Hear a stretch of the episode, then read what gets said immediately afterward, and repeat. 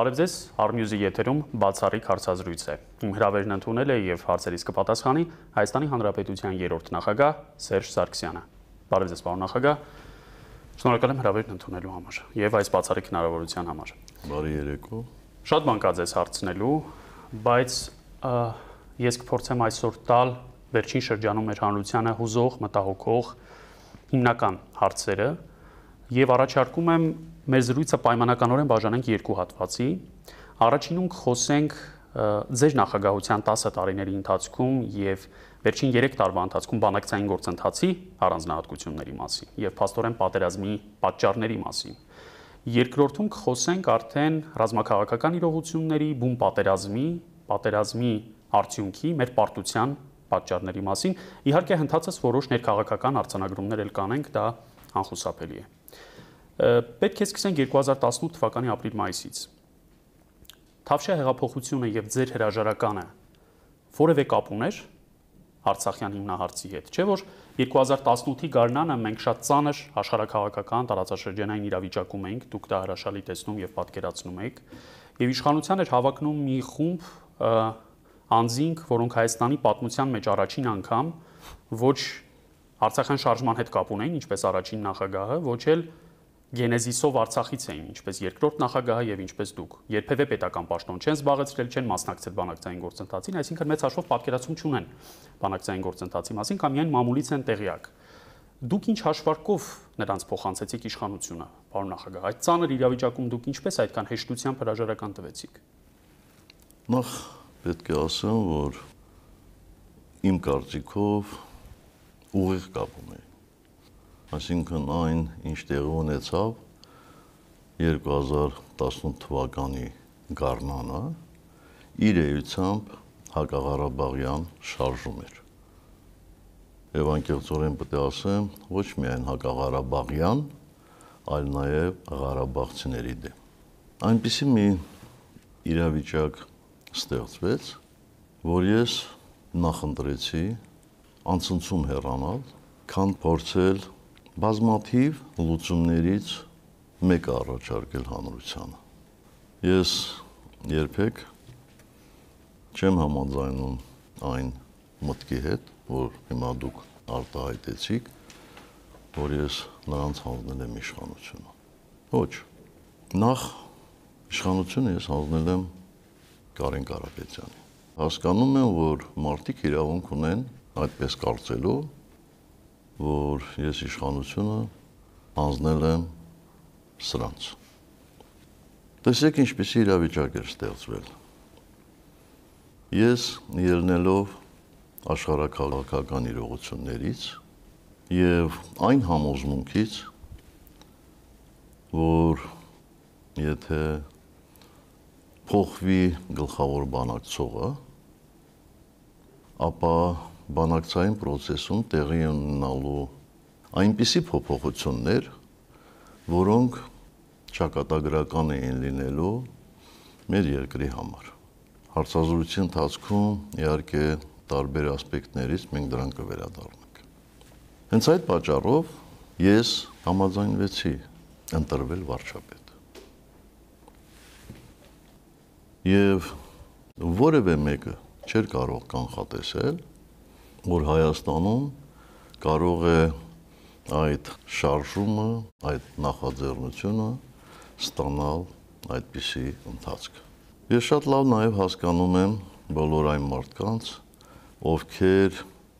հետ հայաց ռետրոսպեկտիվ վերլուծելով ասում են, բա ինչու նախնական շրջանում միջոցներ չձեռնարկվեցին։ Ինչու օրինակ, երբ որ նրանք ռադիոտունը գրավեցին, կոշտ միջոցներ չձեռնարկվեցին։ Բայց մինչ կողմից էլ ուզում եմ, որ նրանք հասկանան նաև ինձ։ Նորից եմ ասում, որևէ նախադրյալ չկար, որ կարող էր այդ շարժումը այդպիսի թափ ստանալ, այդպիսի ուժգնություն ստանալ։ Պարոն նախագահ, դուք ասում եք, որ իշխանությունը փոխանցել է Կարեն Կարապետյանին, բայց լայնորեն տարածված մի վարկած կա, դուք էլ հաստատ լսել եք այդ մասին, որ Հայաստանի գործող վարչապետը ձեր պրոյեկտն է, անձամբ ձեր։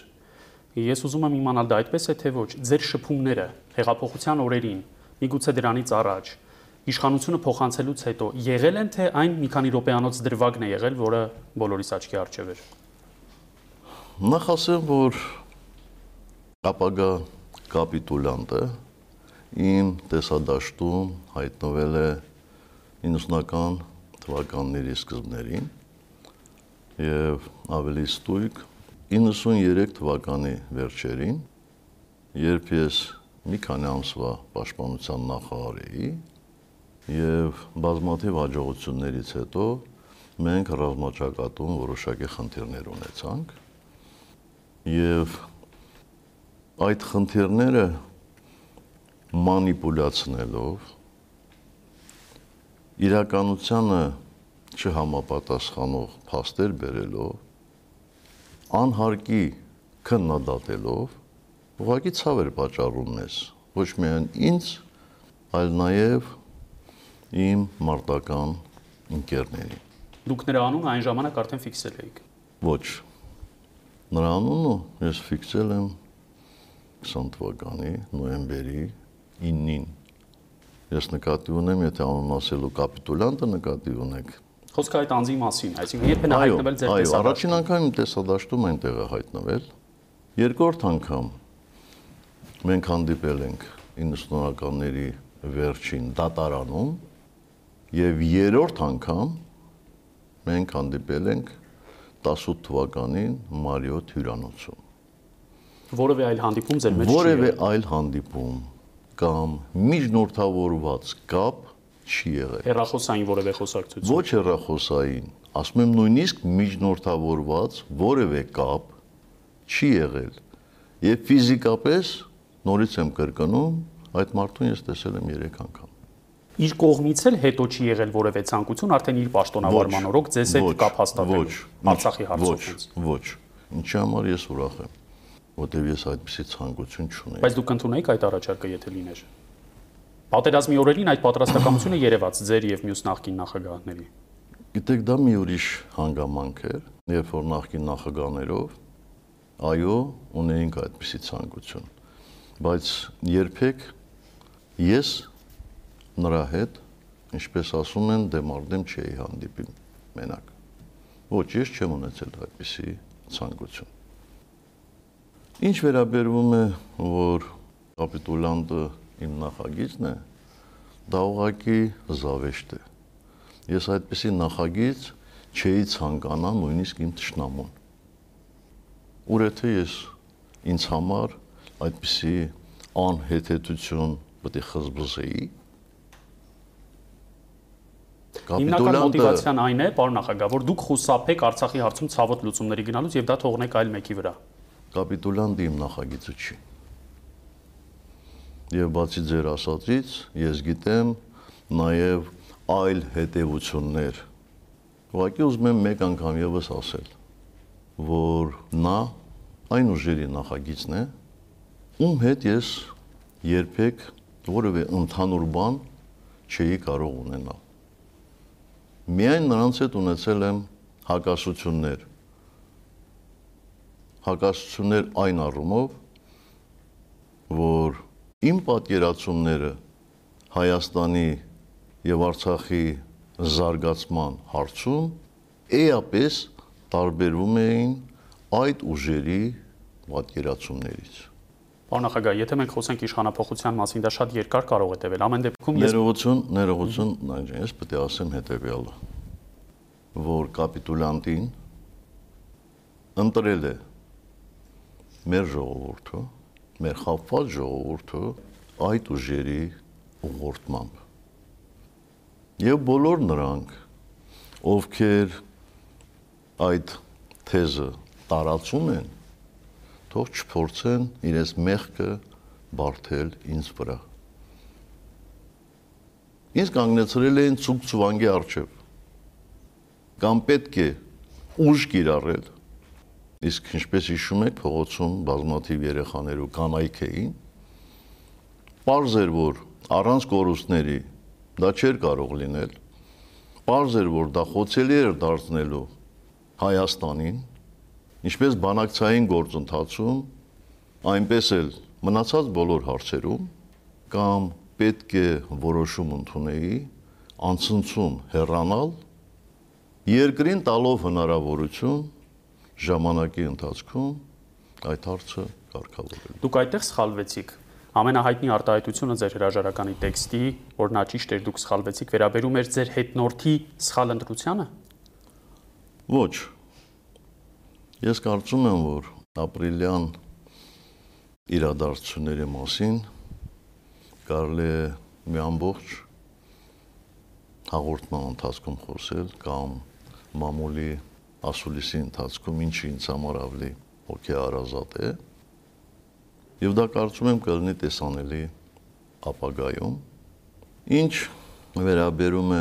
իմ հանրության կողմից մեծ հետաքրություն ստացած ասածներին, ապա կարող եմ ասել միայն հետևյալը, որ ես այդ հայտարարությունը խմբագրել եմ 3 անգամ Առաջին անգամ ապրիլի 23-ի առավոտյան ավելացրել եմ մի քանի նախադասություն այնուհետև հայտարարության տեքստը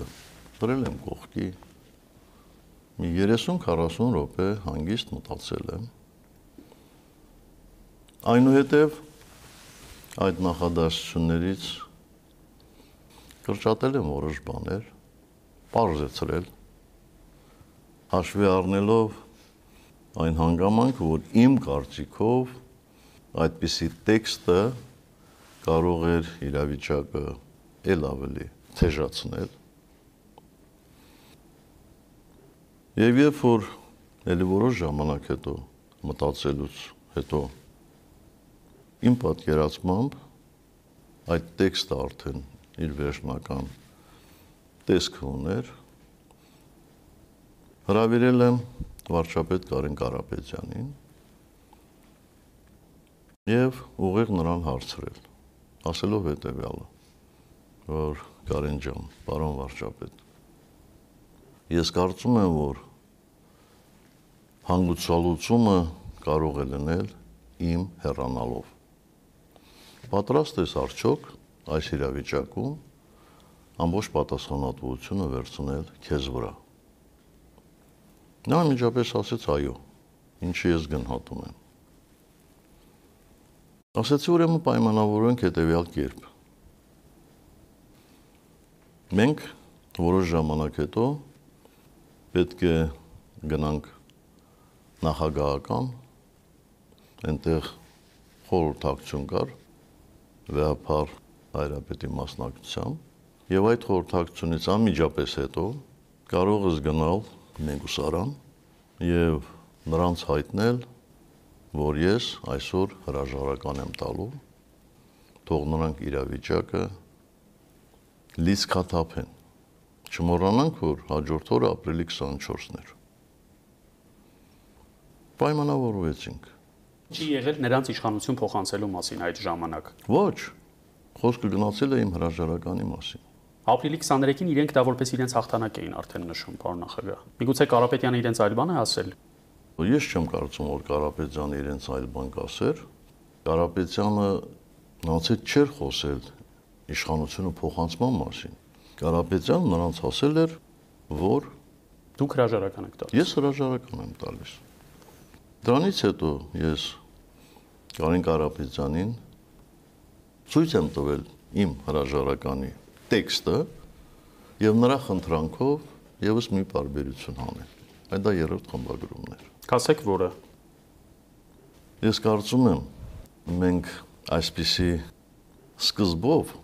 այսպիսի հարցադրումներով, այսպես սահուն անցնում ենք 18 թվականի իրադարձությունների դաշտ։ Մեկ ճշտող հարց եւ ամփոփենք այս թեման, պարոն նախագահ, քանի որ մեր հանդիպման առիթը առավելապես այլ է, սկզբում էլ ասացի, ապրիլի 23-ին Կարեն Կարապետյանի միջնորդությամբ այսօրվա իշխանություններին բանտից ազատելով դուք հասկացրել եք Կարապետյանին, որ դուք ոչ թե նրանց եք իշխանություն փոխանցում, այլ Կարապետյանին եք իշխանություն փոխանցում։ Դա կարող եք միարժեքորեն ասել, որ ձեր ուղերձը եղել է դա, Կարապետյանին էլ է ձեր ուղերձը եղել դա, որ իրեն չեք տալիս իշխանություն, հետո գործող իշխանությանը դա փոխանցելու հաշվարկով, այլ իրեն եք վստահում պետության կառավարումը։ Հենց խոսակցությունը ուղղել այդպես եղել է։ Բացի դրանից ես ապրիլի 23-ին վարչապետ էի Կարեն Կարապետյան առաջին տեղակալ եւ վարչապետի հրաժարականից հետո երկրի կառավարումը անցնում է առաջին տեղակալին։ Դա միանշանակ է, թե որևէ կասկած չկա։ Ես նորից եմ կրկնում, իմ ասացի մեջ որևէ միտում չկա, որ սրանց իշխանության գալուն ես որևէ այսպես մեղք կամ հանգամանք չունեմ։ Ոչ։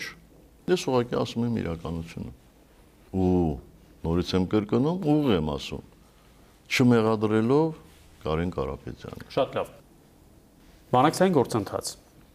Պարոն նախագահ, վարչապետը մի քանի անգամ հայտարարել է, որ ձեզնից իբրև ժառանգություն ստացել է բանակցային մի փաթեթ, որում բովանդակային բանակցություններ սկսել կամ շարունակել արդեն իսկ հնարավոր չէր այդ հնարավորությունները սպառված էին։ Այդ պատճառով նա սկսել է իր կետից, ոչ թե ձեր կետից, ինչպես ինքն էր բառացիորեն ասում։ Եվ ճշգրտում է վարչապետը, ասում է, որ Արցախի կարգավիճակի հետագա ճշգրտման որևէ հնարավորության մասին խոսք չի եղել ձեր կողմից նրան թողած ժառանգության մեջ։ Փոխարենը խոսքը եղել միայն 7 շրջանի անվերապահ հանձնման մասին, ընդ որում որևէ երաշխիք չի եղել, որ Ադրբեջանը նոր պայմաններ կամ նոր պահանջներ մեզ չի ներկայացնի։ Այսինքն փաստացի 18 թվականի ապրիլին բանակցային գործընթացը եղել է փակուղում։ Այդպես է։ Ոչ միանշանակ ոչ։ Նրա ասածները խոսում են միայն ու միայն այն մասին, որ ինքը նույնիսկ գրեթե 3 տարի աշխատելով որպես վարչապետ, ասինքն լինելով գլխավոր բանակցող, այդպես էլ չի հասկացել բանակցությունների իմաստը։ Թե ընդհանրապես ինչ են բանակցում։ Ձեր ասած միտքը նա շարադրել է կապիտուլյացիայից հետո եւ մի անգամից առանց հապաղման համանախագահ երկրներից մեկի ներկայացուցիչը Պապովը մի անգամից այդ փուչիկը պայթեցրել է. Ինձ կարող են չհավատալ բայց արդյոք որևէ հիմք կա չհավատալու Պապովին որովհետև եթե Պապովի ասածը իրականությանը մի միլիմետր անգամ չհամապատասխաներ, ապա մյուս համանախագաները միանգամից կփորձեին նրան ուղղել, որովհետև ինչքան էլ հակասություններ ունենան Միացյալ Նահանգները, Ռուսաստանը, Ֆրանսիան Արցախի հարցում համակարծիք են։ Գոնե սա այն հարցն էր, որտեղ նրանք համագործակցում էին եւ իրարից ոչինչ չէին թաքցնում։ Ես ուզում եմ դեք սկզբունքային խնդիրներին անդրադառնալ։ Ասել հետեւյալը, որ մենք երբեք երբեք չենք բանակցել այն մասին, թե մենք ինչ ենք տալու։ Մենք մշտապես բանակցել ենք այն մասին, թե մենք ինչ ենք ստանալու։ Բայց բանակցությունները այս մարդկանց համար տալու կամ չտալու խնդիր էր։ Ինչ անհեթեթություն է։ Անհեթեթություն։ Միգուցե ինչ որ չափով բնորոշ այդ կարգի մարդկանց մեր ցանկացածը Եվ մեր կարմիր գիծը այն էր, որ Լեռնային Ղարաբաղը երբեք չլներ Ադրբեջանի կազմում։ Երբեք։ Դա էր մեր կարմիր գիծը։ Եվ մենք այդ գիծը պաշտպանել ենք միջև 18 թվականի ապրիլի 23։ Տեսեք, վարչապետը մի հոդված գրեց 44-օրյա պատերազմի ցակումը վերտարությամբ, որտեղ հիշատակել է եւ ձեր կառավարման շրջանը եւ ապրիլյան պատերազմը։ Եվ հարցադրում է անում ռետորական, ասում է, եթե պատերազմ կանխողեիք, դուք, որ մեղադրում եք այսօր նրանց պատերազմ չկանխելու համար, ապա ինչու չկանխեցիք ապրիլյան պատերազմը կամ շարունակում է։ Ապրիլյան պատերազմին հաջորդած 2 տարվա ընթացքում ինչու մեզ համար հաղթական ելք չապահովեցիք։ Հիմա տեսեք, պարոն նախագահ, կարելի է համաձայնել այն դիտարկմանը, որ 2020 թվականի պատերազմը արկախված, կանգնեցված, կասեցված ապրիլյան ավելի փոքր պատերազմի շարունակությունն էր, որովհետև մենք ինչ գնով կանգնեցրինք ապրիլյան պատերազմը։ Դուք ինձնից լավ գիտեք, որ օրինակ տվյալներ կան, որ մենք բանավոր բանավոր համաձայնել ենք 7 շրջանները զիջել ապրիլյան պատերազմը կանգնեցնելու գնով։ Ոչ երբեք։ Այդպիսի տեսակետը իրականության հետ որևէ առնչություն չունի։ Որևէ առնչություն չունի։ Իսկ այդ տվյալները Դավիթ կներեք դուք որտեղից եք ստացել։ Իրականության մեջ այդպեսի բան չի եղել։ Ապրիլյան պատերազմը կանգնեցվել է Ռուսաստանի միջնորդությամբ, ում դիմել է Ադրբեջանը, որովհետև ռազմական գործողությունների ընթացքում ստացել է ուժեղ հակահարված եւ կրելով մեծ կորուստներ ստիպված է եղել նստել բանակցային սեղանի շուրջ։ Ես այս մասին օգոստոսյան իմ ասուլիսի ժամանակ մանրամասն ասել եմ։ Հայկական կողմը որևէ գին չի վճարել, այսպես ասենք։ Մեզնից ակնկալվում էր, որ ստորագրենք հրադադարի նոր համաձայնագիր։ Ինչու այդ մենք բացարձակապես չհամաձայնվեցինք։ Բացարձակապես ասեցինք ոչ։ Գիտեք, եթե մենք այնտեղ այլ պայմանավորվածություններ ունենայինք։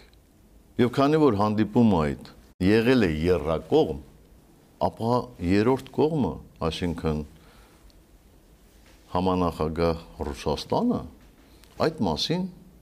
կհայտարարեր որևէ օր գոնե այն պատճառով որ ինքը իր վարկին վնաս չհասցնի որովհետև չէր կարող ռուսական կողմը այդպիսի խոսակցության, այդպիսի պայմանավորվածության վկան լինել ու դրա մասին չհայտնել իր գործընկերների Միացյալ Նահանգներին կամ Ֆրանսիային։ Տեսնում եք շրջանակը ինչքան է ընդլայնվում։ Եվ ուղղ այնպես, ինչպես արտաքին գործերի նախարարությունը Ռուսաստանի Պապովի շրթերով հայտարարեց, թե ինչպիսի փաստաթուղթ էր սեղանին միջև 18 թվականի գարնանային իրադարձություններ, այնպես էլ կհայտարարեր, որ այդպիսի պայմաններ են եղել։ Եվ մյուս կողմից, եթե այդպիսի պայմանավորվածություն է եղել, բա ինչպես է սեղանի միջև 18 թվականը մնացել փաթեթային լուծման տարբերակ։ Պարոն նախագահ, ընդդիմությունը, այդ թվում ձեր ղեկավարած հանրապետականը, այս իշխանությանը մեղադրում է, որ նահանջեցին Վիեննայի եւ Պետերբուրգի պայմանավորվածություններից, որոնցով մշտադիտարկման մեխանիզմներ պետք է սահմանվեին շփման գծում։ Լավ, բայց չէ որ ապրիլյանին հաջորդած 2 տարվա ընթացքում դուք եք իշխանության եւ չհաջողվեց այդ մշտադիտարկման մեխանիզմների եւ դիտորդների թվի ավելացմանը հասնել։ Ինչու եք հիմա մեղադրում այս իշխանությանը։ Իսկ ով ասել, որ 2 տարի ժամկետով մենք պետք է հասնեինք այդ բաղձալի հանգրվանին։ Նույնիսկ երբ որ 2007 թվականին մեզ առաջարկեցին մադրիդյան սկզբունքներ կոչվող փաստաթուղթը, դրա համար գրեթե մի տարի պահանջվեց, որ Ադրբեջանը նախնական համաձայնություն տա այդ սկզբունքների շուրջ, այդ փաստաթղթի շուրջ բանակցություններ վարելու։ Ադրբեջանի համար դա շատ մեծ կորուստ կլներ։ Եվ մենք այդ մասին բազմաթիվ անգամ խոսել ենք Ադրբեջանի նախագահի հետ։ Եվ նա էլ էր գիտակցում, որ միջադեպերի հետաքննության այդ մեխանիզմով մենք ուղղակի միջազգայնացնում էինք շփման գիծը։ Դա ով որ շատ քիչ տեղյակ է բանակցային process-ին, սա շատ հստակ պետք է հասկանար։ Եվ Ադրբեջանը շատ լավ գիտակցում էր, որ դրանից հետո ուժի գործադրումը շատ ծանր հետևանքներ կունենար նրանց համար։ Դրա համար ամեն կերպ փորձում էր խուսափել դրանից։ Եվ իսկ ով ասել, որ այդ աշխատանքից պետք էր հոգնել։ Իսկ ով ասել, որ այդ աշխատանքը չգիտեմ 2 տարի ժամկետ ունի, 3 տարի ժամկետ ունի կամ 4 տարի ժամկետ ունի։ Բայց դա հաղթաթուղթ էր մեր ձեռքում եւ պետք է շարունակել։ Միանշանակ։ Գիտեք, երբ որ այս խելապակաս իշխանությունները հրաժարվեցին մեր ձերբերումներից եւ սկսեցին այսպես ասած Ալիևից տեղեկանալ բանակցային պատմության մասին արդեն ինձ համար շատ հստակ հասկանալի էր որ մենք գնում ենք դեպի պարտություն, որ մենք գնում ենք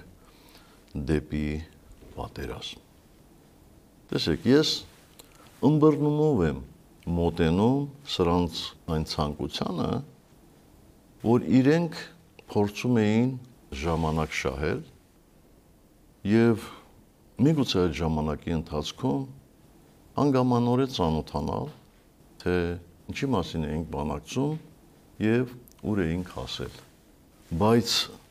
այդ ժամանակը պետք էր շահել շատ པարզ պատճառաբանությամբ, հասկանալի պատճառաբանությամբ եւ համանախագաներին ասել բառացիորեն հետեւյալը որ պարոնայք համանախագաներ այո նախկին իշխանությունները գողեր էին, ավազակներ էին, թալանչիներ էին եւ այլն եւ այլն բայց այնուհանդերձ տեղի է ունեցել պատերազմ 16 թվականին եւ պատերազմի արդյունքով դուք ինքներդ ահա այսպեսի հայտարարություն եք ընդունել։ Խնդրում եմ, բերեք իրականացնենք այս հայտարարությունը։ Այնուհետև անցնենք առարկայական բանակցությունների։ Փոխարենը ինչ արեցին։ Անհասկանալի պայման դրեցին համանախագաների եւ Ադրբեջանի արչիվ։ Որ Արցախը պետք է վերադառնա։ Որ Արցախը պետք է մասնակցի բանակցային process-ին։ Կարծում եմ, իրանք մտածել են, որ դրանով իսկ, ինչպես ասեցի, ժամանակ կարող են շահել, որտեղ դա անհնար բան է, եւ երկրորդ, որ այդ պայմանը դնում են Ադրբեջանի արչև։ Դա պայման էր թե ցանկություն հայկական կողմի։ Դա պայման էր ցանկությունը մերն էր, երբ որ մենք մշտապես ասում էինք, որ ճիշտ կլներ, որ Լեռնային Ղարաբաղը լիարժեքորեն մասնակցեր բանակցային process-ին։ Դա ցանկություն էր,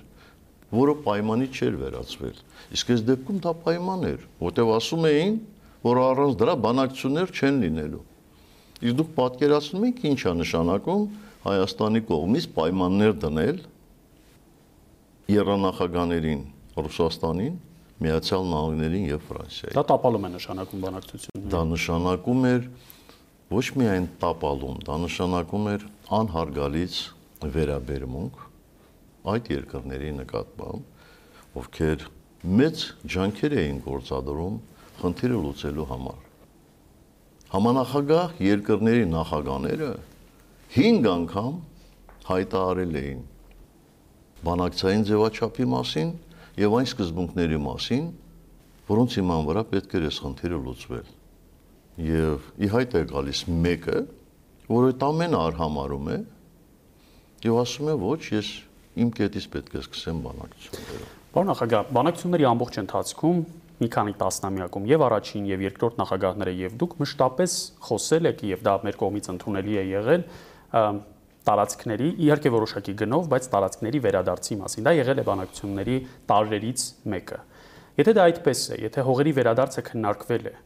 ապա ինչու եք դուք այսօր այս իշխանությանը մեղադրում այդ հողերը վերադարձնելու մեջ։ Խորհրդանու վերջերս մի միտք հնչեց, որ մենք պարտության գնացել ենք վերջին 20 տարում, սկսած հոկտեմբերի 27-ից, քանի որ շարունակաբար քննարկվել է հենց հողերի վերադարձի տարածքների զիջման հարցը։ Դավիթ, նորից պետք է կրկնեմ, որ մեզ համար ստանալու մասն է կարևոր։ Սա մեկ։ Երկրորդ, ես չեմ կարող համաձայնել ձեր ասած մտքերի հետ, որ այս իշխանությունները հող են վերադարձրել։ Ոչ նրանք հող են տանուլ տվել, նրանք հող են հանձնել, դրանք տարբեր բաներ են։ Նրանք կապիտուլյացիա են ենթարկել Հայաստանը Նրանք ջախջախել են մեր բանակը։ Այսինքն դուք տարբերություն չեք տեսնում։ Ես երբեք ոչ մի թիզական չեմ եղել։ Երբեք։ Եվ 90-ականների սկզբին մեր հաջողությունների պահին եւ 2000-ականների ամբողջ ընթացքում եւ նախագահական նստավայր գալու առաջին իսկ օրվանից ես ասել եմ որ տարբեր ձևակերպումներով, որ այս խնդրի լուծումը ես տեսնում եմ միայն փողզիջումների միջոցով։ Հիշում եք, երբ որ ես խորհրդարանում ասացի, որ Աղդամը իմ հայրենիքն է։ Իհարկե հիշում եմ։ Դա հետո շատ շահարկվեց։ Իսկ հիշում եք, որ դա ոչ միայն այն ժամանակ շահարկվեց, դա շահարկվեց այս վերջերս, երբ որ մարդիկ, անմեղսունակ մարդիկ իրականությունը լավ չպատկերացնող մարդիկ սելֆի էին անում Աղդամի ֆոնին եւ ասում էին, որ Աղդամը իրենց հայրենիքն է։ Ես տեսա թե այդ հայրենիքը իրանք ինչպես պահեցին ինչպես պահեցին։ Ես նույնիսկ շարունակությունն եմ հիշում ձեր ասացի, դուք ասում եք նաև Միրբաշիրը մեր հայրենիքը, չէ, բայց չգիտես ինչու միայն Աղդամի վրա են ֆիքսվել, մինչդեռ Միրբաշիրը երբեք մերը չի եղել։ Որովհետև Աղդամը գոնը քաղաքը մեր վերահսկողության տակ։ Այո, եւ մեր անվտանգության գոտին էր։ Այո, այո։ Այնպես որ ես խնդրում եմ միշտ տարբերակել վերադարձնելը տալուց Պարոն նախագահ, դուք մի քանի անգամ խոստովանել եք, որ 2011 թվականին դուք պատրաստ եք Կազանյան փաստաթուղթը ստորագրել, Ալիևը չհամաձայնեց, վերջին պահին ինչ որ շտկումներ է փորձել մտցնել։ Կազանյան փաստաթղթի էությունը մենք հիմա նաև կգանք նրան, թե ինչ ենք մենք ստանում, քանի որ ասում եք, որ հիմնականը մեր ստանալիքն է, մեր կողմից որոշակի տարածքային զիջումների մասին էր խոսքը։ Մինչև 2018 թվական, այսինքն այդ 7 տարվա ընթացքում 11-ից 18 թվական, երբ դուք նախագահ եք, Դուք համաձայն եք, որ այդ 7 տարվա ընթացքում մենք փաստորեն արհեստականորեն ձգձգել ենք ստատուս քվոն, փորձել ենք ժամանակ շահել, ենթադրելով, որ հայկական կողմի օգտին է աշխատում այդ ժամանակ։ Ոչ, համաձայն չեմ։ Համաձայն չեմ ոչ միայն այսպես ձգձգելու այդ տեսության հետ, այդ մտքի հետ, համաձայն չեմ ձեր դրանից առաջ արտահայտած մտքի հետ, որ Կազանյան փաստաթուղթը ենթադրում էր տարածքային զիջումներ։ Կազանյան փաստաթուղթը ենթադրում էր Լեռնային Ղարաբաղի կարգավիճակ Ադրբեջանից դուրս։ Նորից եմ ասում, դեն շպրտեք ձեր գլխից, թե ինչ ենք մենք տալու,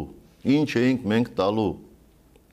Դուք մտածեք նրա մասին, թե մենք ինչ էինք ունենալու։ Ստանալու ենք միջազգայինորեն երաշխավորված կարգավիճակ։ Մենք ստանալու էինք միջազգայինորեն երաշխավորված խոստում, որ Լեռնային Ղարաբաղի վերջնական կարգավիճակը պետք է որոշվի Լեռնային Ղարաբաղի բնակչության ազատ կամ արտահայտմամբ, որը ունի պարտադիր իրավական ուժ եւ որի օրակարգը ոչնչով չի սահմանափակվում։ Դա մեզ հնարավորություն էր տալիս շատ հանգիստ գնալ խնդրի լուծման։ Այո, փողզիջումների միջոցով։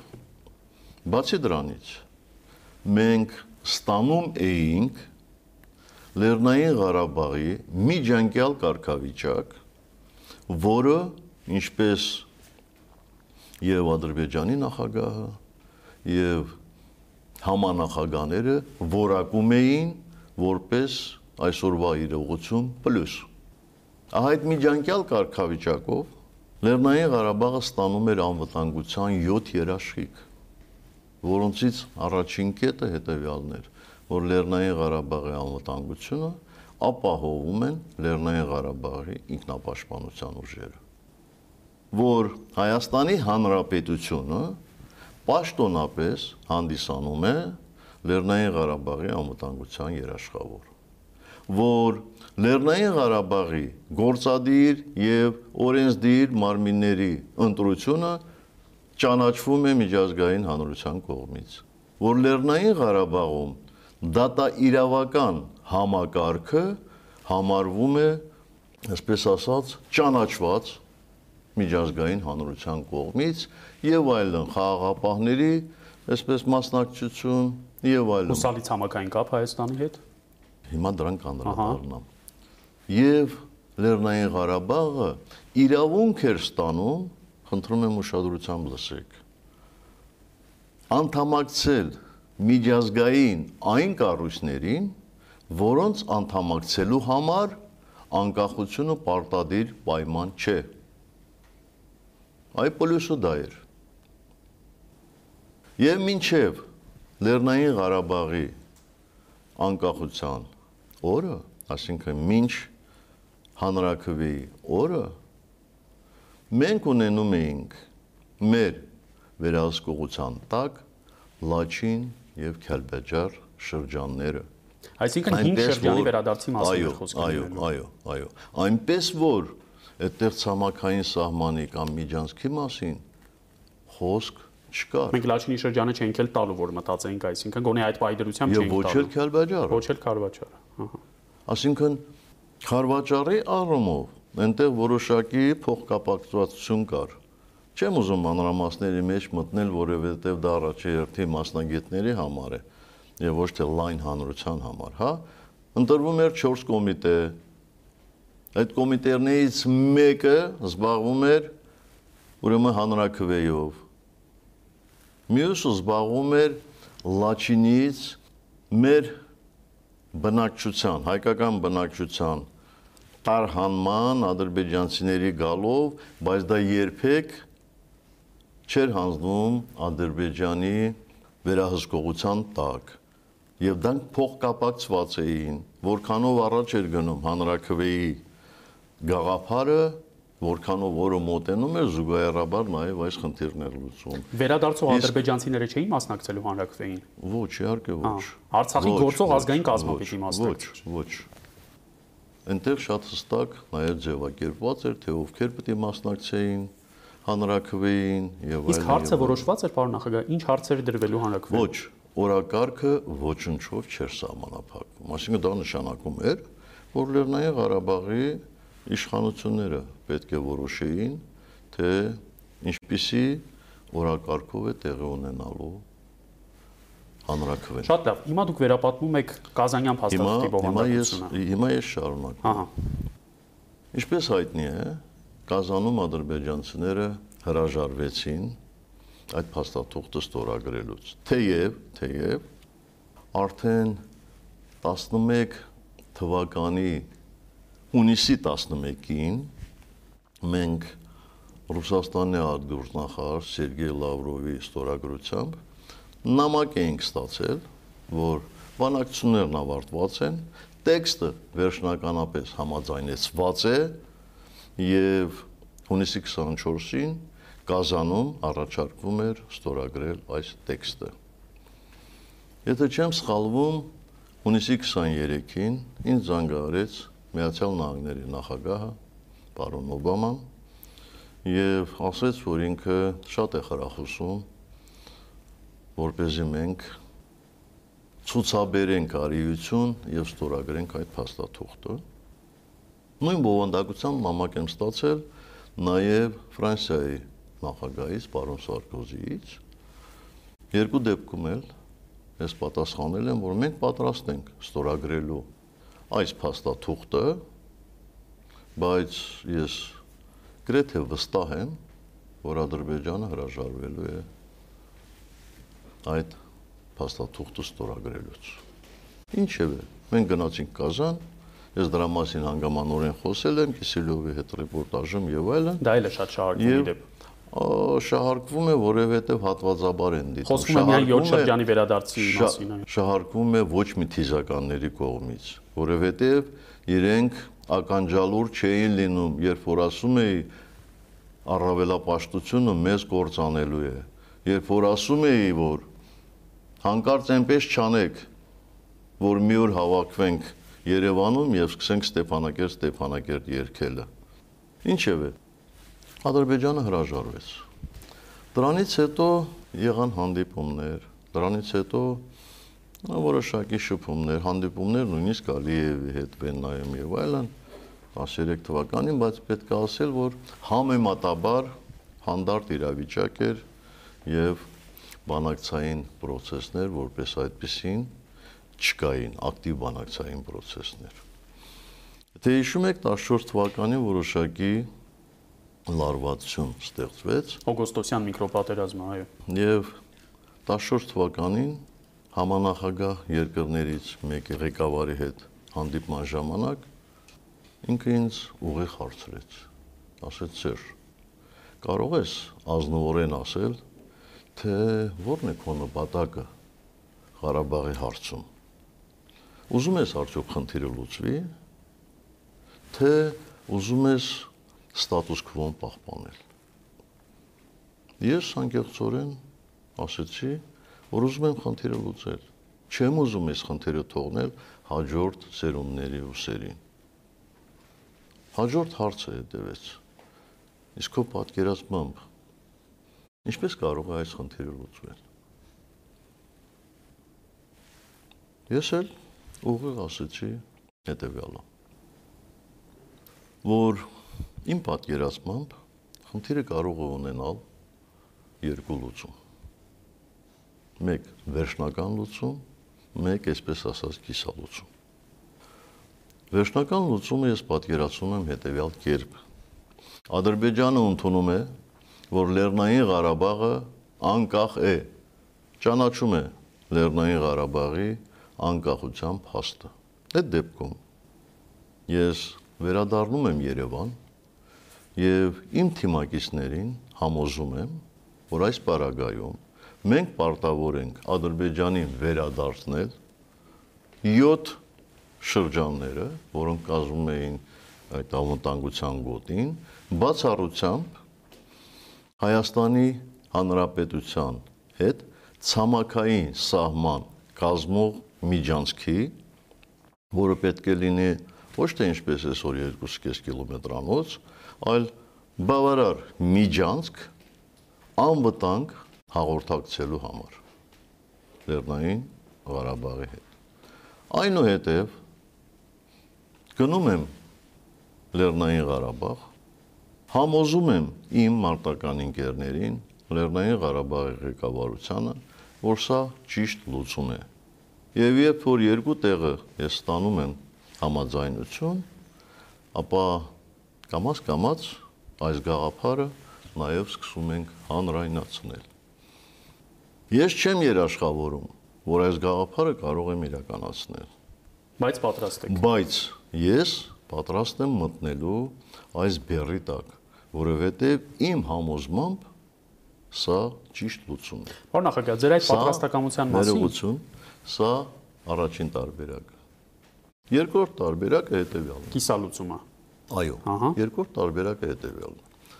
Ադրբեջանը ճանաչում է, որ Լեռնային Ղարաբաղի վերջնական կարգավիճակը պետք է որոշի Լեռնային Ղարաբաղի բնակչությունը առանց որևէ ժամկետային սահմանափակումների։ Բայց այդպես պետք է լինի, Ադրբեջանը դա պետք է ընդունի, միջազգային հանրությունը դա պետք է հաստատի։ Այդ պարագայում ես նորից վերադառնում եմ Հայաստան։ Իմ թիմակիցներին համոզում եմ, որ այսպիսի լուծման կամ կիսալուծման պարագայում մենք պարտավոր ենք Ադրբեջանին վերադարձնել 5 շրջաններ, ունենալ Լեռնային Ղարաբաղի միջանկյալ կարգավիճակ, իսկ այդ միջանկյալ կարգավիճակի մասին ես ասեցի, այնուհետև նույն process-ը Լեռնային Ղարաբաղ, մարտական Հասկանալի։ Ղարաբաղի իշխանություններ, Բայց երկրորդ տարբերակը որևէ կերպ ապագայի համար երաշխիք չէր տալու, քանի որ ադրբեջանցիները կարող են երբեք չճանաչել Արցախի ժողովրդի ինքնորոշման իրավունքը հղում անելով ապագային։ Այո, այո։ Դա այդ տարբերակը բացառվում էր, որովհետև այդ դեպքում ադրբեջանցիները երբեք յետ չէին ստանալու ոչ Լաչինը, ոչ Քալբաջարը։ Այսինքն այդ տարբերակի ամբողջ իմաստը կայանում էր նրանում, որ Լաչինի եւ Քալբաջարի Ադրբեջանի յետ վերադարձնելու ժամկետը շատ սերտորեն կապակցված էր Լեռնային Ղարաբաղի անկախության մասին հանրակրվե անցկացնելու հետ։ Այդ պատճառով ենք մենք ասում 5+2, ոչ թե 7։ Այո, Ահա։ այո։ Այսինքն իմ ասած երկու տարբերակներն էլ ուղղակի բխում էին Մադրիդյան սկզբունքներից, Կազանյան փաստաթղթից։ Եվ պատահական չի, որ եւ Ռուսաստանի Դաշնության արտգործնախարարը եւ համանախագաները եւ Մինսկի խմբի համանախագահ երկրների Ռուսաստանի ներկայացուցիչ Պապովը մշտապես հայտարարել են ընդཐུպ միջև այս վերջին հայտարարությունը, որ ցանկացած տարբերակ այս թե այն չափով համապատասխանում էր Կազանյան փաստաթղթի մադրիդյան սկզբունքներին։ Պարոն նախագահ, այդ թվում Լավրովյան պլանը, որի մասին սկսեց խոսվել ապրիլյան պատերազմից հետո, մի ճշտող հարցեր պիտի տամ։ Առաջին նախագահը վերջերս հայտարարեց, որ իր տպավորությամբ ձեր վերընտրությունից հետո դուք պատրաստ եք ստորագրելու Լավրովյան պլանը։ Նախ հասկանանք դա Կազանյան փաստաթղթի մոդիֆիկացիան է, Առասարակ եղել է այդպիսի փաստաթուղթ եւ դուք պատրաստ եղել եք 2018-ին ձեր վերընտրությունից եւ իշխանության մնալու դեպքում դա ստորագրել։ Նախ պետք է ասեմ, որ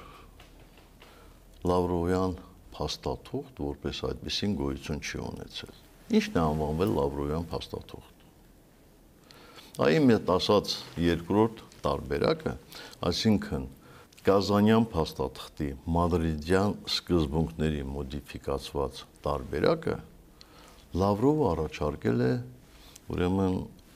համանախագաների անունից եւ երբեք չի եղել մի, այսպես ասած, բանակցային process, որ համանախագաներից որևէ մեկը առանձին իր գաղափարները առաջարկեր։ Միշտ համաձայնեցված է եղել երեքին։ Այո, միշտ համաձայնեցված է եղել իրենց։ Եվ սա էր այն ինչի մասին ես ասեցի։ Եվ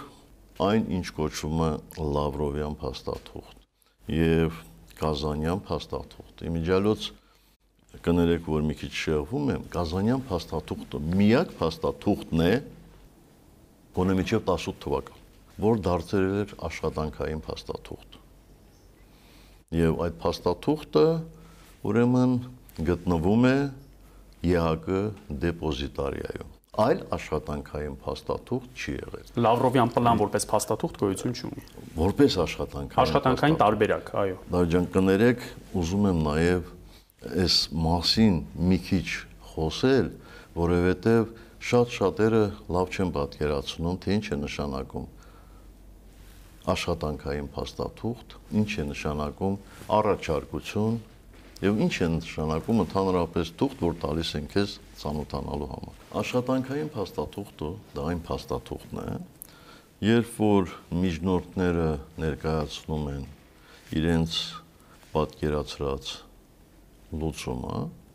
եւ կողմերն ասում են այո, ահա այս փաստաթղթի շուրջ կարելի է բանակցել եւ գալ համաձայնության։ Եվ սկսվում է արդեն աշխատանքը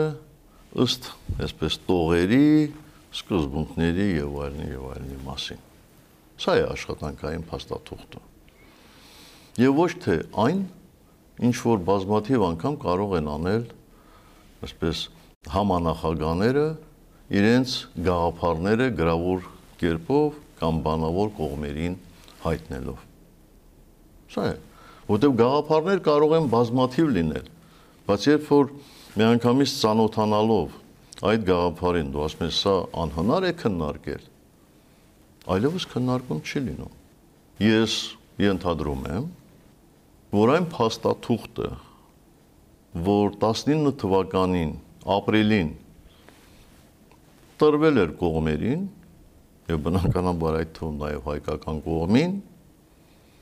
հայկական կողմի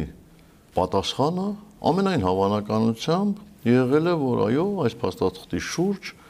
կարելի է քննարկումներ իրականացնել հակառակ պարագայում եթե մերժվեր ապա երևի այլ առաջարկություններ կներկայացվեր կամ այն գլխից համանախագահները կասեին, որ իրենց առաջարկները մերժված է։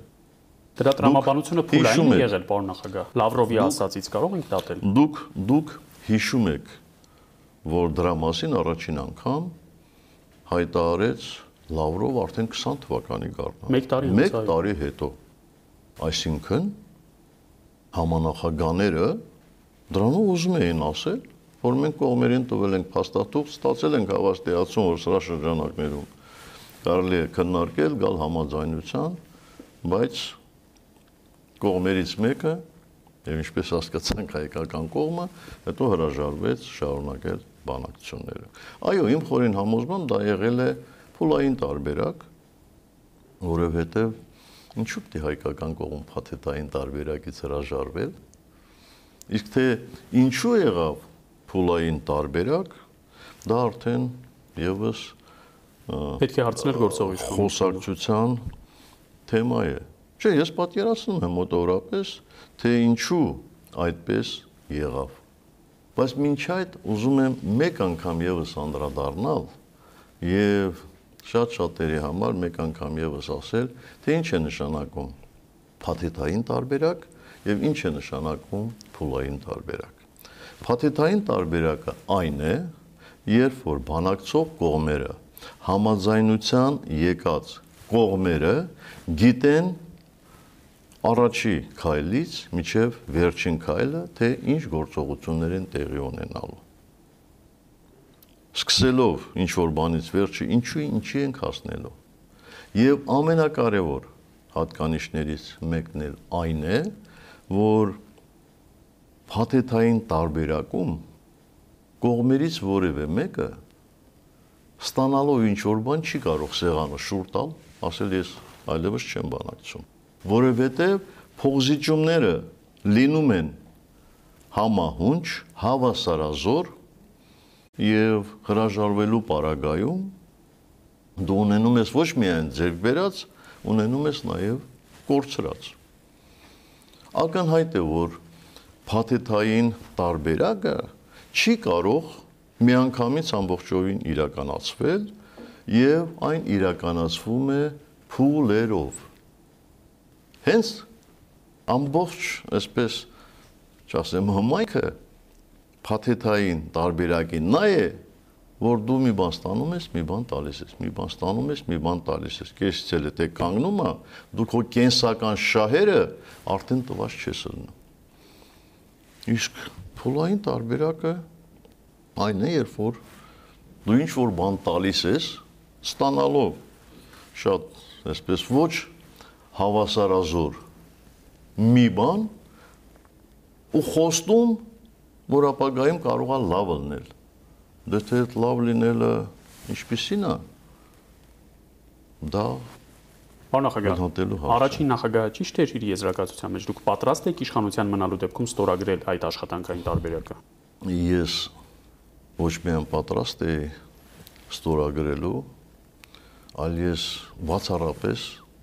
համաձայնվել եմ մնալ Հայաստանի Հանրապետության վարչապետ, որ เป զի իրականացնեմ այդ տարբերակը։ Եվ ես այն ոչ թե պետք է գախնի ստորագրեի, այլ բնականաբար, երբ որ հասնեինք նրան, իսկ ինչին ձգտում էինք, ապա այդ տարբերակը, ես չեմ ասում հանրակրվեի կդնեինք եւ այլն, բայց շատ մեծ եւ բուրըն քննարկման առարկա կդարձնեինք հասարակությունում։ Ես վստահ չէի, որ հասարակության մեծ մասը դա կարող էր սատարել։ Իհարկե, եթե հիմա հնարավորություն ունենայինք պատմության անևը իդ պատտելու եւ վերադառնալու 18 թիվ կարծում եմ մեր բնակչության 99%-ը դրան կողմ կլներ։ Ինչու այն ժամանակ անկեղծորեն բացեի բաց չասացիք դա պարոն նախագահ։ Թեկուզ ամենածանր պահին։ Ես ասել եմ, բացեի բաց ես ասել եմ եւ ճիշտ չեմ համարում, միգուցե շատ չեմ ասել։ Շատ չեք ասել։ Բայց ասել եմ դա ապրիլյան իրադարձությունների օրերին, երբ որ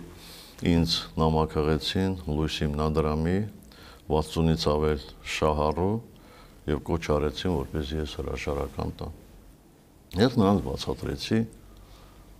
որ հիմնալու միակ պատճառը այս խնդիրը լուծելն է։ Մինչ այդ եմ ասել դրա մասին, բազմաթիվ անգամներ եմ ասել։ Ընդունում եմ մեղքը, միգուցե քիչ եմ ասել, բայց արդյոք եթե շատ ասեի, դա կոկներ գործին, չէր օգնի։ Բայց ինչ էինք արդյունքում ստանալու։ Այս մասին էլ եմ ուզում ասել, Դավիթ։ Շատ հետաքրքիր բան է։ Քանի որ Ադրբեջանը բարձր շատ դժկամությամբ էր շարունակում բանակցությունները այդպիսի պայմանների շուրջ մենք մտածեցինք տարբերակ ունենալ երեք փաստաթուղթ մեկ փաստաթուղթ ստորագրել Ադրբեջանի հետ որ ամբողջովին չէր բավարարում մեր նվազագույն ցանկություններին Խոսքը ինչի մասին է։ Խոսքը տևյալի մասին է, որ առաջին կետը երբ որ խոսում էր Լեռնային Ղարաբաղի բնակչության ազատ կամարտության մասին, ձևակերպված էր, ինչպես ասեցի, հետեւյալ կերպ, որ Լեռնային Ղարաբաղի վերջնական կարգավիճակը որոշվում է Լեռնային Ղարաբաղի բնակիչների ազատ կամարտայնությամբ, որ ունի պարտադիր իրավական ուժ եւ որի օրակարգը ոչնչով չէ սահմանապակում։ Այս վերջին բարբերությունը, վերջին բառակապակցությունը կտրականապես Ադրբեջանին չէր բավարարում։ Ինչու՞։ Որտեւ առաջին երկու ձևակերպումները տեղավորվում էին իր սահմանադրության շրջանակներում։ Բացի դրանից վերջում Ադրբեջանը շատ հանգիստ կարող էր ասել, այո, ազատ կամ արտահայտությամբ, որ ունի պարտադիր իրավական ուժ, բայց հաշվի առնելով Ադրբեջանի սահմանադրությունը, չի կարող լինել հանրակրվե Ադրբեջանի տարածքային ամբողջությանը վերաբերող։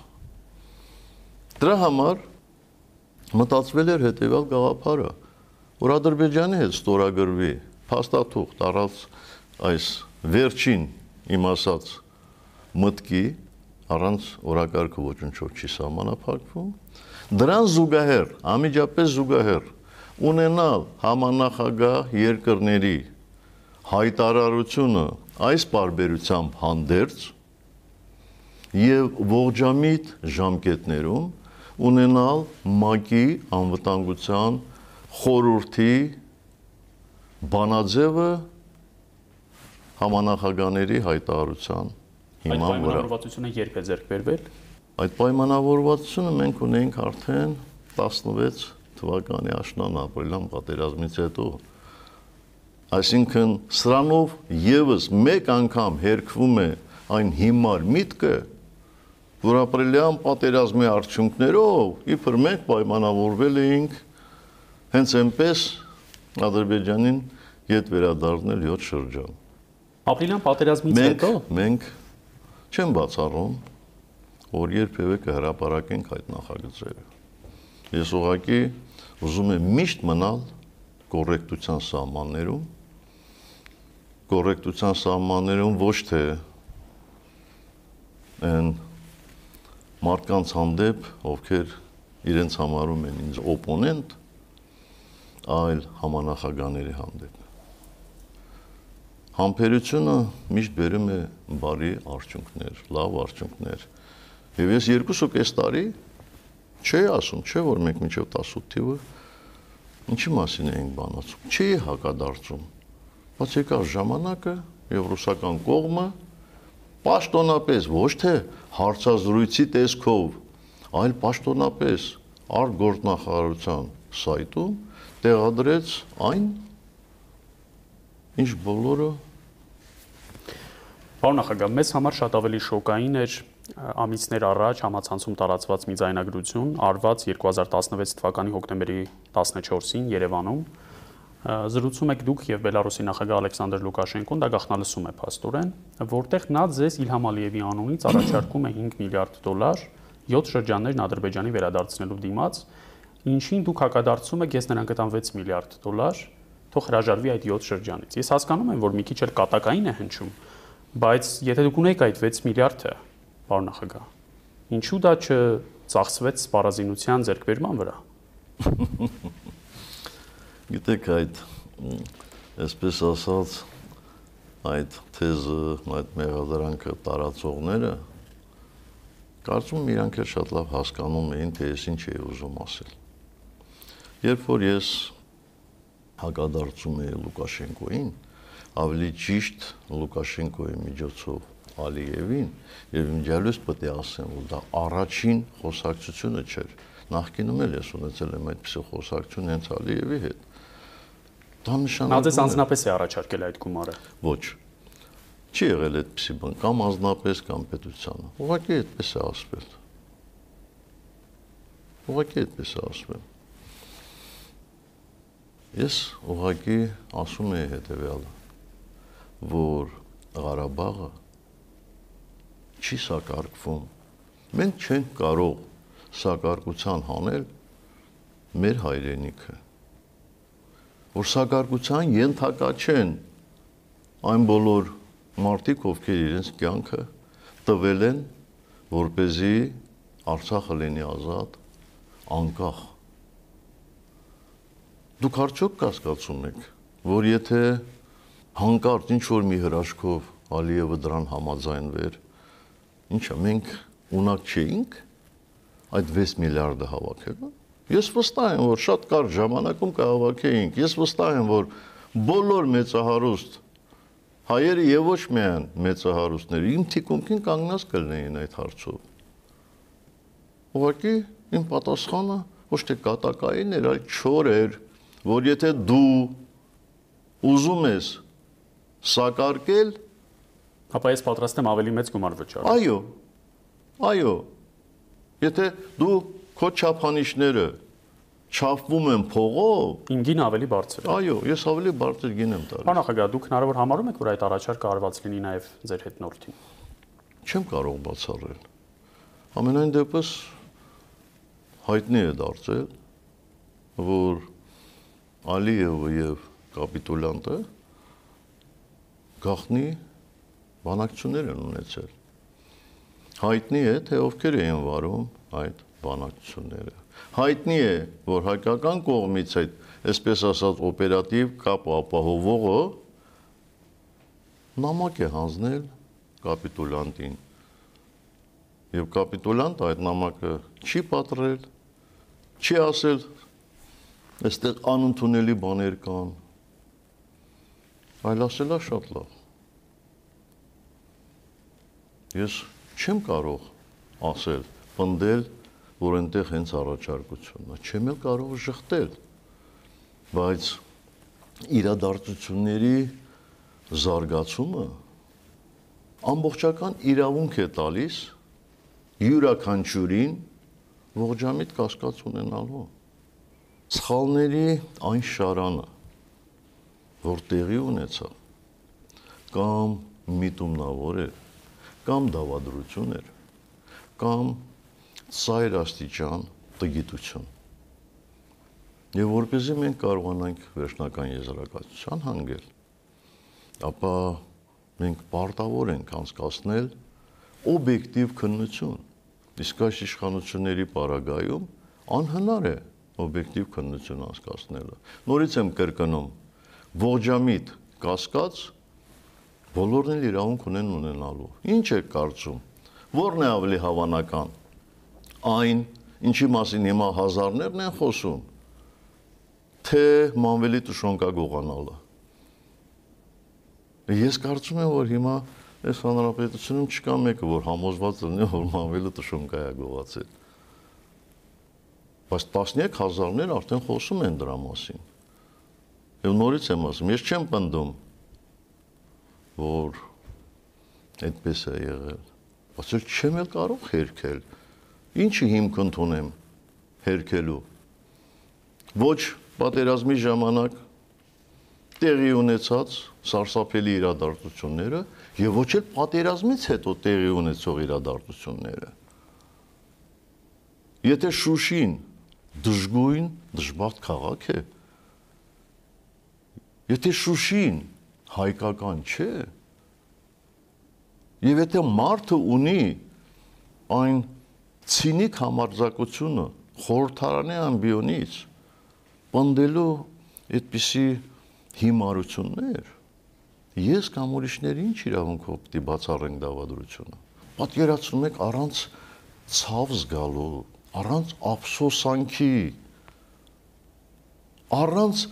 այսպես մեղավորության նշույլի լկտիաբար արդարացնում են դե ինչ էր տվել ենք, տվել ենք, էլ ինչ եք ուզում։ Արցախի հետ կապված այո, բայց Սյունիքի սահմանազատման հետ կապված, պարոն նախագահ, իրենք հղում են անում ձեր իշխանավարման օրոք ընդունված օրենքին, որով, որի հավելվածով Սյունիքի արտաքին սահմանագծի մանրամասն նկարագրությունն է տրվում։ Մասնագետները այդ մասին խոսել են։ Ես չեմ ուզում մասնագիտական գնահատական տալ, հատկապես որ 17 թվականին այդ օրենքը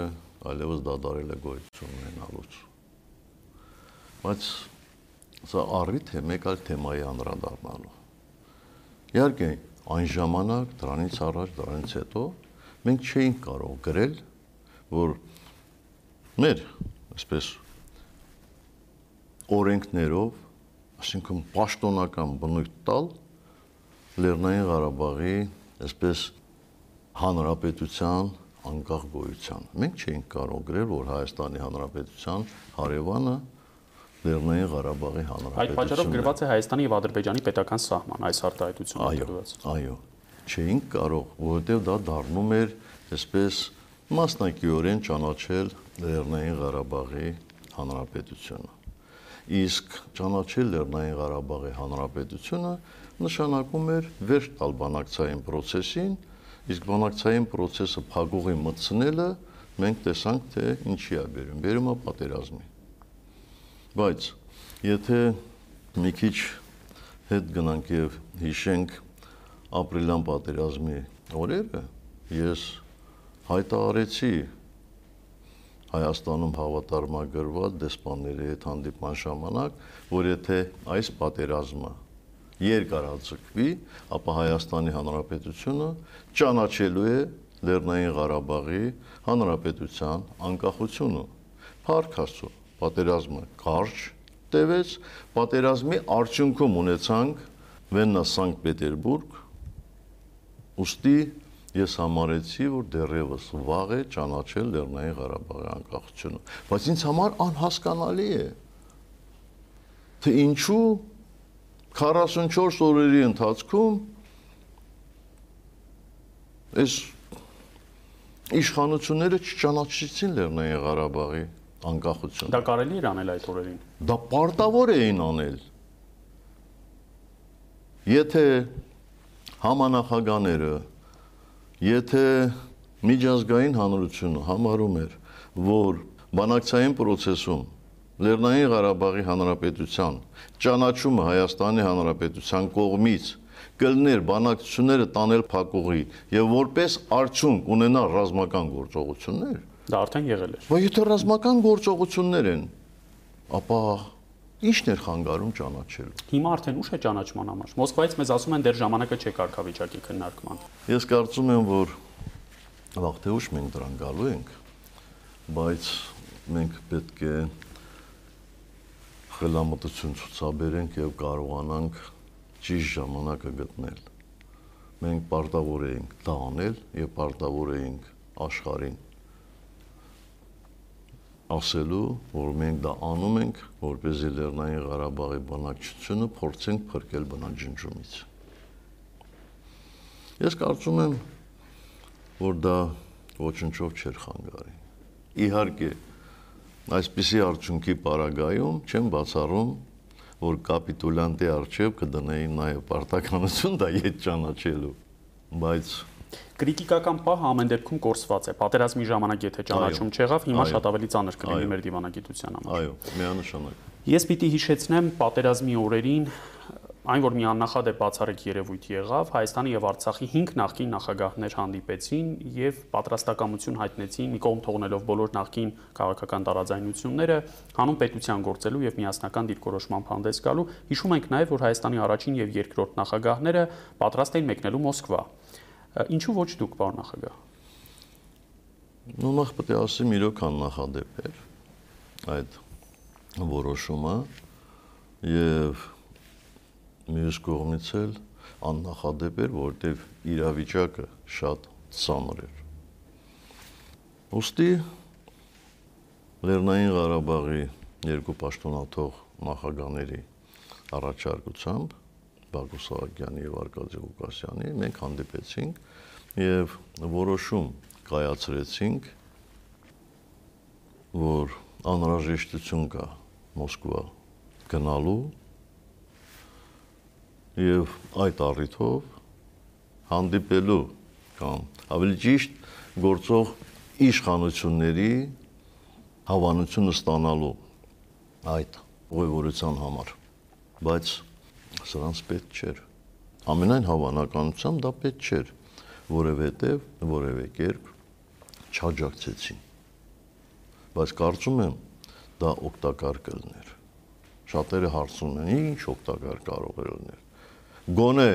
գոնե համանախագահ երկրներից մեկում գոնե մեր դաշնակից երկրի ղեկավարությունը, ընդ որում խոսքը Ռուսաստանի նախագահի հետ հանդիպելու մասին չէր, խոսքը արտգործնախարար Լավրովի հետ հանդիպելու մասին էր։ Գոնե, ինչպես ասեցի, մեր դաշնակից երկրի ղեկավարությունը, համանախագահ երկրի ղեկավարությունը կտեսներ, որ Հայաստանում նաև այլ կարծիք կա։ Եվ այդ կարծիքը լայն տարածում ունի։ Սա էր ամբողջ նպատակը։ Այսինքն իշխանության կողմից որևէ պատրաստակամություն, որևէ արձագանք չեղավ ձեր այդ նախաձեռնությանը։ Ոչ, ոչ։ Նրանք խորհուրդ տվեցին այսպես ինքնուրույն գնալ եւ հանդիպել այլ պաշտոնյաների առանց որևէ կարգավիճակի, ասենք հատուկ բանագնացի կարգավիճակ չէին շնորհում դες։ Դե նույնիսկ խոսքը կարգավիճակի մասին չէր։ Խոսքը նրա մասին էր, որ գոյությունն են գործող իշխանություններ եւ որ เป զի ռուսաստանցի մեր գործընկերներին չդնեին հարհարամբար վիճակում, իշխանությունները ուղղակի պետք է ասեին, որ իրենք դեմ չեն այդ հանդիպման, այդքան մի բան։ Չարվեց։ Պարոն նախագահ, մենք քիչ առաջ խոսում ենք ճանաչման մասին։ Լավ, ճանաչում դե յուրը չի արվել, բայց դե ֆակտո հո Հայաստանի վարչապետը Ստեփանակերտի կենտրոնում հայտարարել է, որ Արցախը Հայաստանը եւ վերջ։ Ճիշտ է, դա ոչ միանշանակ ընկալում ունեցավ դիվանագիտական հանրույթում եւ համանախագահներն էլ տարակուսեցին եւ Ալիևը սկսեց օգտվել այդ թեզից բայց գոնե փաստացի արցանագրվեց, խոսքային մակարդակով արցանագրվեց, թե ումն է Արցախը։ Ես կարծում եմ, որ չնայած այն հանգամանքին, որ շատ շատերը այդ արտահայտության հեղինակին մեղադրում են բանակցային գործընթացին վնասելու մեջ այդ արտահայտությամբ ես մի քիչ այլ տեսանկյունից եմ նայում ես կարծում եմ որ այդ հայտարարությունը ուղղված չէր Ադրբեջանին եւ ոչ էլ համանախագաներին, թեև եւ Ադրբեջանը եւ համանախագաները կարող էին ունեին իրավունք այդպես հասկանալու։ Ես հասկացել եմ ուրիշ բան, որ այդ հայտարարությունը ուղղված է հենց Լեռնային Ղարաբաղի բնակչությանը։ Ինչ էր ասում։ Ասում էր ես եմ այստեղ տերը տիրականը Եվ ես կասեմ, թե ում պետք է նախագահ ընտրեք։ Դա հետո երևաց նախագահական ընտրությունների ժամանակ եւ այլն։ Այսինքն իրեն պետք էր Ղարաբաղում խամաճիկ ղեկավարություն, որ เป զի որևէ կերպ որևէ հարցում փոքր իսկ հակադրություն չցաբերեր։ Եվ նա հասավ իր նպատակին։ Ես շատ հստակությամբ ասում եմ, որ երբեք Լեռնային Ղարաբաղի ինքնուրույնությունը այդքան չէր նսեմացվել, չէր ցածրացվել, ինչպես 18 թվականից հետո։ Երբեք ոչ Լևոն Պետրոսյան, Ռոբերտ Քոչարյան հարաբերություններում այդպիսի մշուլ անգամ կար։ Երբ Քոչարյանը Արցախի նախագահն էր։ Այո, երբ Ռոբերտ Քոչյանը Հայաստանի նախագահն էր, Արկադի Ղուկասյանը Լեռնային Ղարաբաղի, բացարձակապես այդպեսի բան չկար, գոյություն չուներ, երբ ես է Հայաստանի նախագահը Բակո Սահակյանը Ղարաբաղի նախագահ էր տարաձայնություններ են նույնիսկ եղել բան նախագահ։ Տարբեր հարցերի շուրջ դուք տարբեր կարծիքներ եք ունեցել։ Այո, այո, բայց այդ տարաձայնությունները չեն խանգարել։ Ես կարծում եմ, նորմալ հարաբերությունները հենց դրանով իսկ բնորոշվում են, որ ճշմարտությունը ծնվում է հենց այդ այսպես բանավեճի մեջ։ Բանավեճի մեջ, ոչ թե հակադրության մեջ, այլ բանավեճի մեջ։ Եթե մենք ինքներս չենք հարգում այդ ինստիտուտը, մենք ինչ ենք ակնկալում ուրիշներից։ Բա ինչի՞ պիտի օտարները հարգեն Լեռնային Ղարաբաղի իշխանություններին կամ ընդունեն, եթե մենք չենք ընդունում։ Եթե անկախության Հայաստանի անկախության պաշտոնական տարեդարձի միջոցառմանը Հայաստանի նախագահի, վարչապետի, վեապար հայրապետի, Ղարաբաղի նախագահի ներկայությամբ հիմարաբար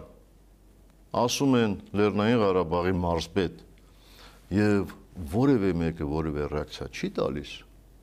ինչի՞ է ադրբեջանցիները ասեն Լեռնային Ղարաբաղի նախագահ կամ համանախագահ։ վրիպակ է եղել, սխալմունք է եղել, միտումնավոր չի եղել։ Բա հնարավոր չէ՞ այդ սխալը այնտեղ տեղում ուղղել։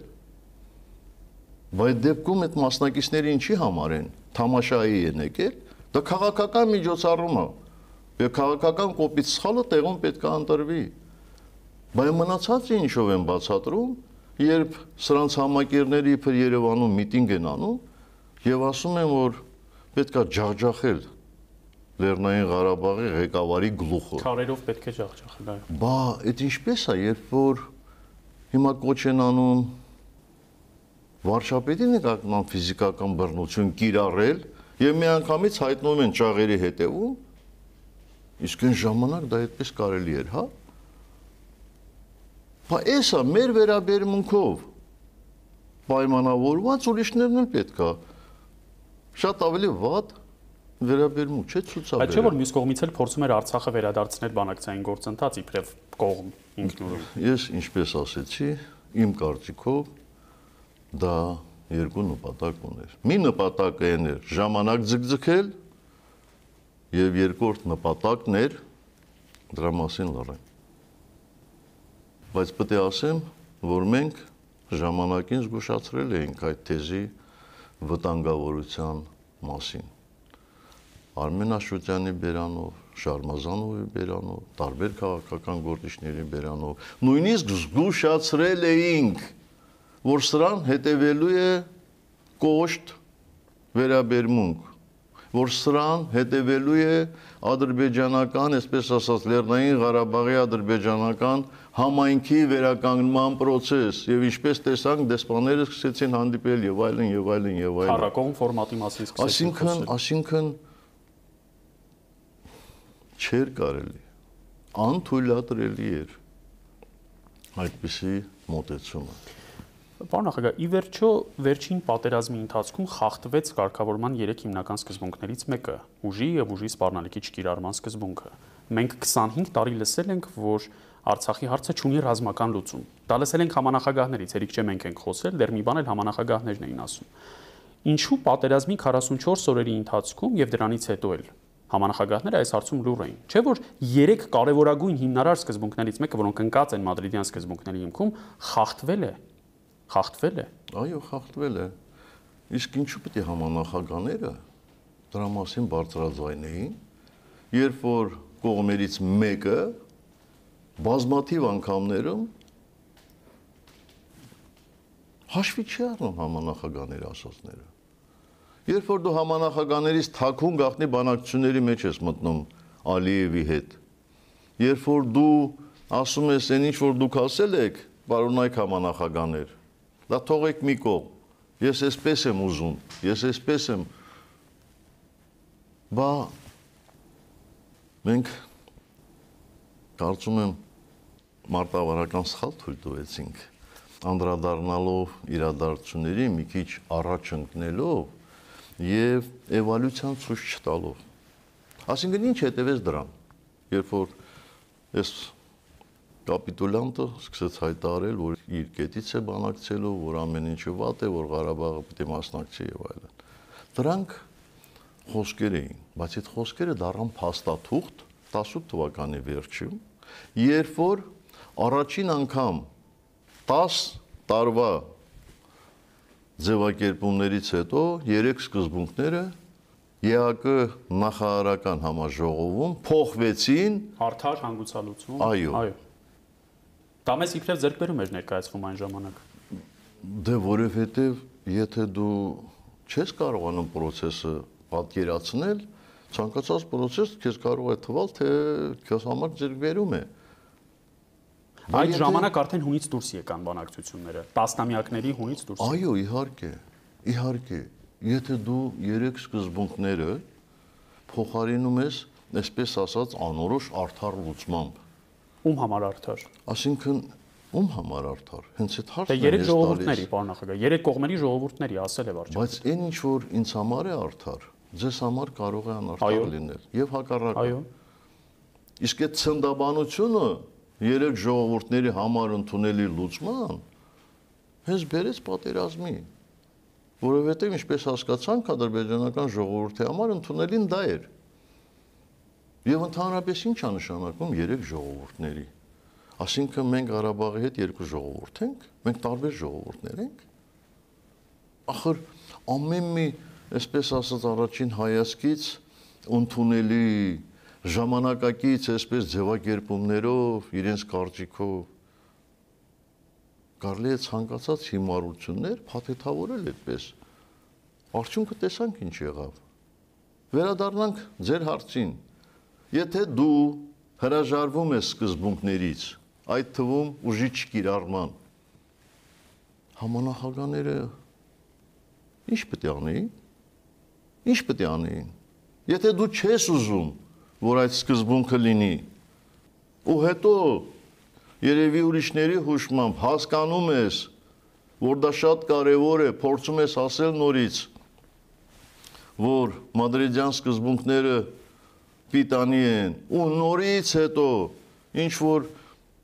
ցնդած Մյունխենյան սկզբունքներ ես առաջ քաշում համանախագաները ոնց կողմնորոշվեն այս իրավիճակում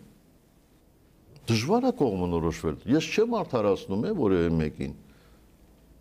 Ես ուղղակի իրավիճակն եմ բացատրում։ 20 թվականի մայիսին վարչապետը խորհրդարանի ամբյուրից հայտարարեց, որ եւ մենք ենք կառուցողական եւ Ադրբեջանն է կառուցողական։ Սա բացառիկ հայտարարություն էր։ Ես չեմ հիշում Հայաստանի որևէ այլ նախկին առաջնորդի, որը խոսեր Ադրբեջանի կառուցողականության մասին։ Ըստ ձեզ ի՞նչն էր այդ կառուցողականությունը։ Իսկ իսկ ինչու Հայաստանի նախկին ղեկավարների։ Դուք բերեք գետ մեկ օրինակ, գետ մեկ օրինակ, որ որևէ հակամարտող երկրի նախագահ Խոսի մյուս կողմից, շնամի կողմի։ Երկրի ղեկավար կառուցողական անվանի մյուս կողմի ղեկավարին կարելի է նրան գրագետ անվանել, կուլտուրական անվան, ինչ հասես կարելի է անվանել։ Ինչ կառուցողական։ Եթե կառուցողական է, եթե Ալիևի քայլերը կապիտոլյանտը համարում է կառուցողական, ապա նա պետք է բացատրի այդ որ քայլերը ռազմական գործողություններ սկսելը, թե ինչ որ գախնի պայմանավորվածություններ են եղել, թե ինչ որ գախնի խոստումներ են տվել իրար եւ Ալիևը այդ տված խոստումները չի կատարել, բայց մյուս կողմից էլ Ալիևը ասում է, որ հայկական կողմը իր տված խոստումները չի կատարում։ Բազմիցս ստորացրեց, բազմիցս էլ ինչ ասեց, ասեց, որևէ պատասխան չհետևեց։ Իսկ ինչ պատերազմը, երբ ես փորձեցի ինչ որ կերպ արձագանքել Ալիևին, Ալիևը այս կապիտոլյանտը միացան եւ սկսեցին իմ դեմ պայքարել։ Շատ տարօրինակ։